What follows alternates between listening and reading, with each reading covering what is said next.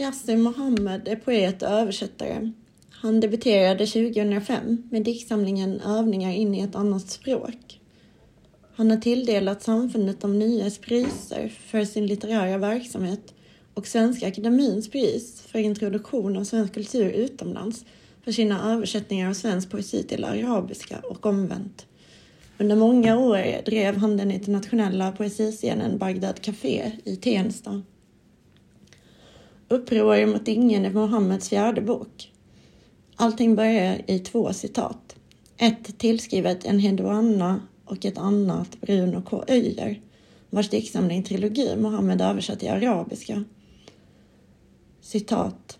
En Hedvanna var en sumerisk prinsessa, prästinna, matematiker, astrolog, astronom och poet. Hon är den första namngivna författare som vi känner till. Hon levde i Sumer i södra Mesopotamien år 2285 till 2250 f.Kr. Slutcitat. Står angivet i den kommentar som boken försetts med. Bruno K. Öijer behöver å andra sidan ingen utförligare presentation. Att Mohammed valde just de två kan inte vara slumpmässigt. Varken bilderna eller språket i dikterna är förbundna till någon tid, åtminstone inte mer än det väldiga spannet mellan Enheduanna och K. Diktsamlingen är uppdelad i sju likartat uppbyggda avsnitt, bortsett från ett som består av endast en dikt. Indelningen är följande. 1. Uppländska nokturner 1. 2. Dina läppar uppståndelse 3. En annan flod 4. Uppländska nokturner 2 5. Besjälad vind 6. Uppror mot ingen 7. Blåregn, saknad. Det sju avsnitt till trots ligger det nära till hands att läsa boken som en enhet. Citat. Vid det som sades vara Abrahams boning i staden Ur stirrade jag som fallen från skyarna mot horisonten. Bortom öknen förnam jag ett större minne. Slutcitat. Dikten står för sig före första kapitlet och kan läsas som ett slags prolog. Den ger en föraning om vad dikterna ska behandla, nämligen sökande eller längtan, parentes, stirrandet mot horisonten, slut parentes. Abraham, fallet från skyarna, ordvalen för nam, bortom och större vittnar om ett inte obetydligt mått av mystik. Jaget förnimmer en bortom-upplevelse. Det större minnet är rimligen någon slags kunskap eller erfarenhet som kräver gränsöverskridande. Parentes, horisonten, komma, öknen, att ta sig bortom. Slut parentes.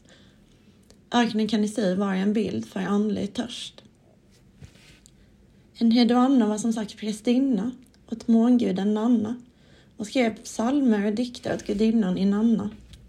Mohammeds sikte präglas, som jag nämnt precis, också av religiös mystik.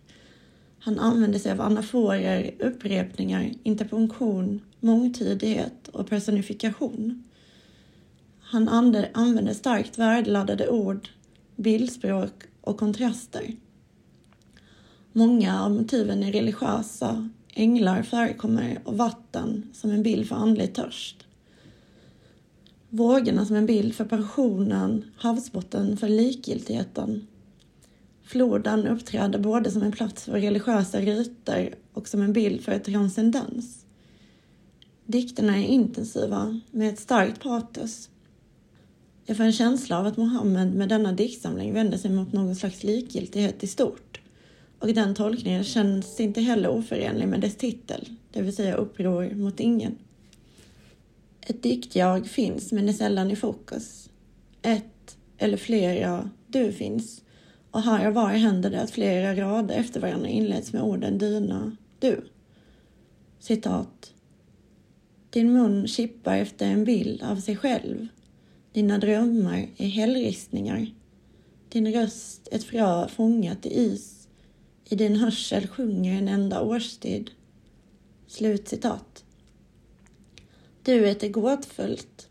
Ibland har det vingar. Andra gånger luktar duets kön mossa och ingen människa är outgrundlig för dess skog. I den nu lästa dikt är duet mycket gammalt. dess drömmar är hällristningar. Och kanske är det evigt, eftersom rösten är ju bevarad som en citat, ett frö fångat i is, slutcitat. Det är obegripligt och okänt och på samma gång lysande och stort. Kanske är det rent av alltet. Målet för jaget verkar vara att lägga sig så nära duet som möjligt och uppgå i det. Citat. Mitt på dagen inbillar du dig, bli ett med en ek. För att känna din närhet, rör mina uppgivna händer vid barken. Slutcitat. Kanske hänger den höga stilen samman med detta. Ett sätt att närma sig det större minnet som Mohammed skriver, kunskap eller vad det nu må vara, kan vara att vända sig till skrifter som motstått tiden. Mohammeds användning av anaforen som ovan en repeterande och högtidlig stilfigur i förening med ett språk perfekt avvägt mot det högstämt romantiska för tankarna utöver en hedvanna till höga visan. Jag blir glad. Jag är inte på, på det klara med vad Mohammed vill säga men det är helt okej, för dikterna har en stark suggestiv kraft. Det finns även ett förtjusande stort mått av konstnärligt risktagande här. Risken att dikten avfärdas som daterad, att den höga stilen läses som pastisch, att eh, trots risken för att allvaret ska slå över komik våga närma sig det. Den totala bristen på likgiltighet har mig på sängen. Fem stycken en eller tvåradingar skrivna med grekiska bokstäver finns insprängda. Kommentaren avslöjar att det rör sig om vardagliga grekiska fraser som exempelvis citat Dora, har du ätit något idag? Ja, linssallad, slutcitat. Och citat Har vi arbete? Nej, bara vi har hälsan, slutcitat. Bokens grundton är öm och mild. Att en människa frågar en annan om hon har ätit idag bidrar till detta. Tidigt i diktsamlingen etableras en förbindelse mellan människa och natur, mellan dött och levande. Vinrankorna har förlänats förmågan att blada, tystnaden blommar i munnen på en trädgårdsmästare. En stark dragning till naturen finns. Citat. Vinrankor blöder i snön och i trädgårdsmästarens mun blommar tystnad. Slutcitat. Naturmotiven är många och även om dikterna bottnar i ömhet finns vissa ekokritiska övertoner. Mohammed skriver följande. Citat. Du omfamnade dem, gav dem gravplatser i dina sluttningar, stilla himmelsfärd vid dina flodbäddar. Alla dessa offer på flykt är fångat. De skändar ditt arv, plundrar din skattkammare, din orörda utblick, tystnaden i dina nätter. De kullkastar dina spelregler, tor torrlägger dina myrmarker, förgiftar dina fåglar. Kör sina schaktmaskiner genom ditt språk och du står tyst som vore du viljelös. Slutcitat. Dikten är beklämmande, men eh, på ett bra sätt. Det plakatpoetiska tonfallet fungerar väl i sammanhanget, framstår som oförfalskat. På ett annat ställe står det att citat, det finns inget kalhygge utanför människan, slutcitat. Om det stämmer finns bara en väg ut ur det ödsliga, som är utåt. Två avsnitt i boken heter Uppländska nokturner, ett respektive två. Nocturne betyder nattlig musik och har kommit att beteckna en viss typ av stämningsfull musik som ska vara drömsk och vacker. I poesi har natten fått symbolisera allt det som står bortom människan i jordelivet. Närvaron av eh, detta okända är hela tiden påtaglig. Uppland har för övrigt i bokens få platsangivelser. Bilderna är tagna från olika tider och platser.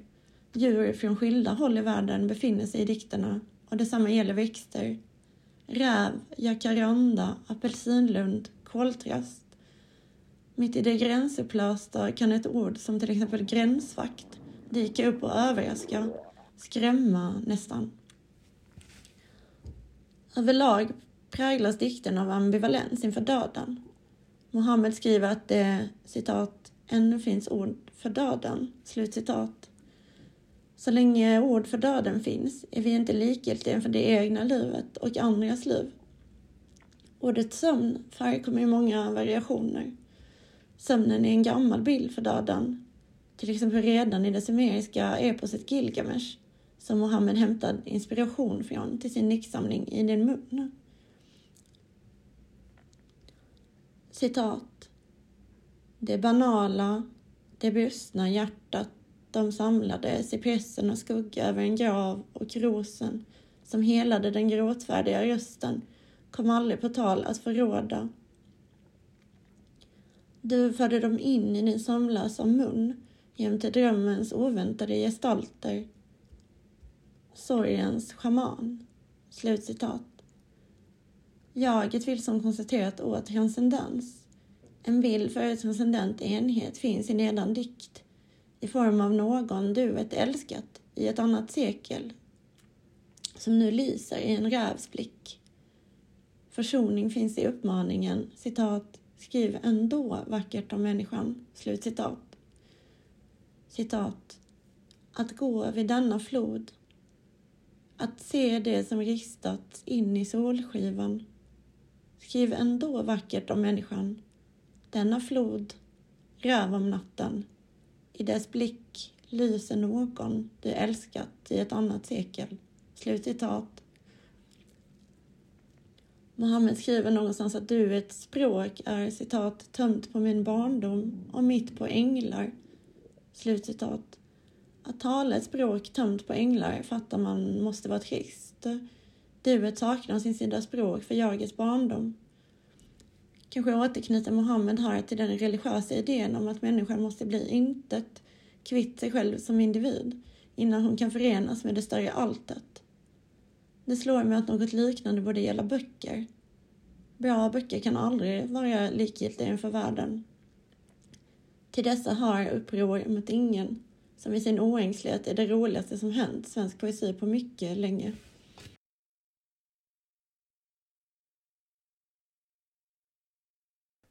Den här recensionen är originalpublicerad på www.ornenochkrakan.se under ansvarigt utgivarskap.